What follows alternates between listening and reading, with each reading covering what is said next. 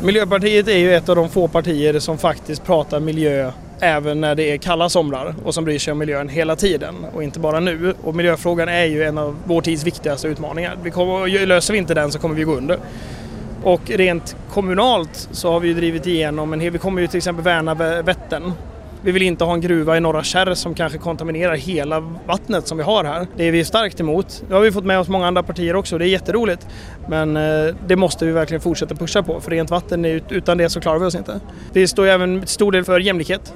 Vi är ju en av de som drev igenom att i barnbokslutet ska man inte bara titta på unga flickor och pojkars psykiska ohälsa utan även framförallt på unga hbtq-personer. Aktuellt också i Pride-rörelser, mm. varför det är så viktigt att kika på dem. Eh, varför mår de dåligt? Varför mår de sämre? Sen har vi absolut mycket mer på eh, cyklar. Cyklar i kommunen, cykelvägar som ska vara smidiga att ta sig fram på. De ska inte vara omvägar. Du ska inte ta cykeln och känna att du måste cykla mycket längre nu än om du hade tagit bilen. Utan de ska faktiskt vara praktiska och eh, liksom kunna gena mer.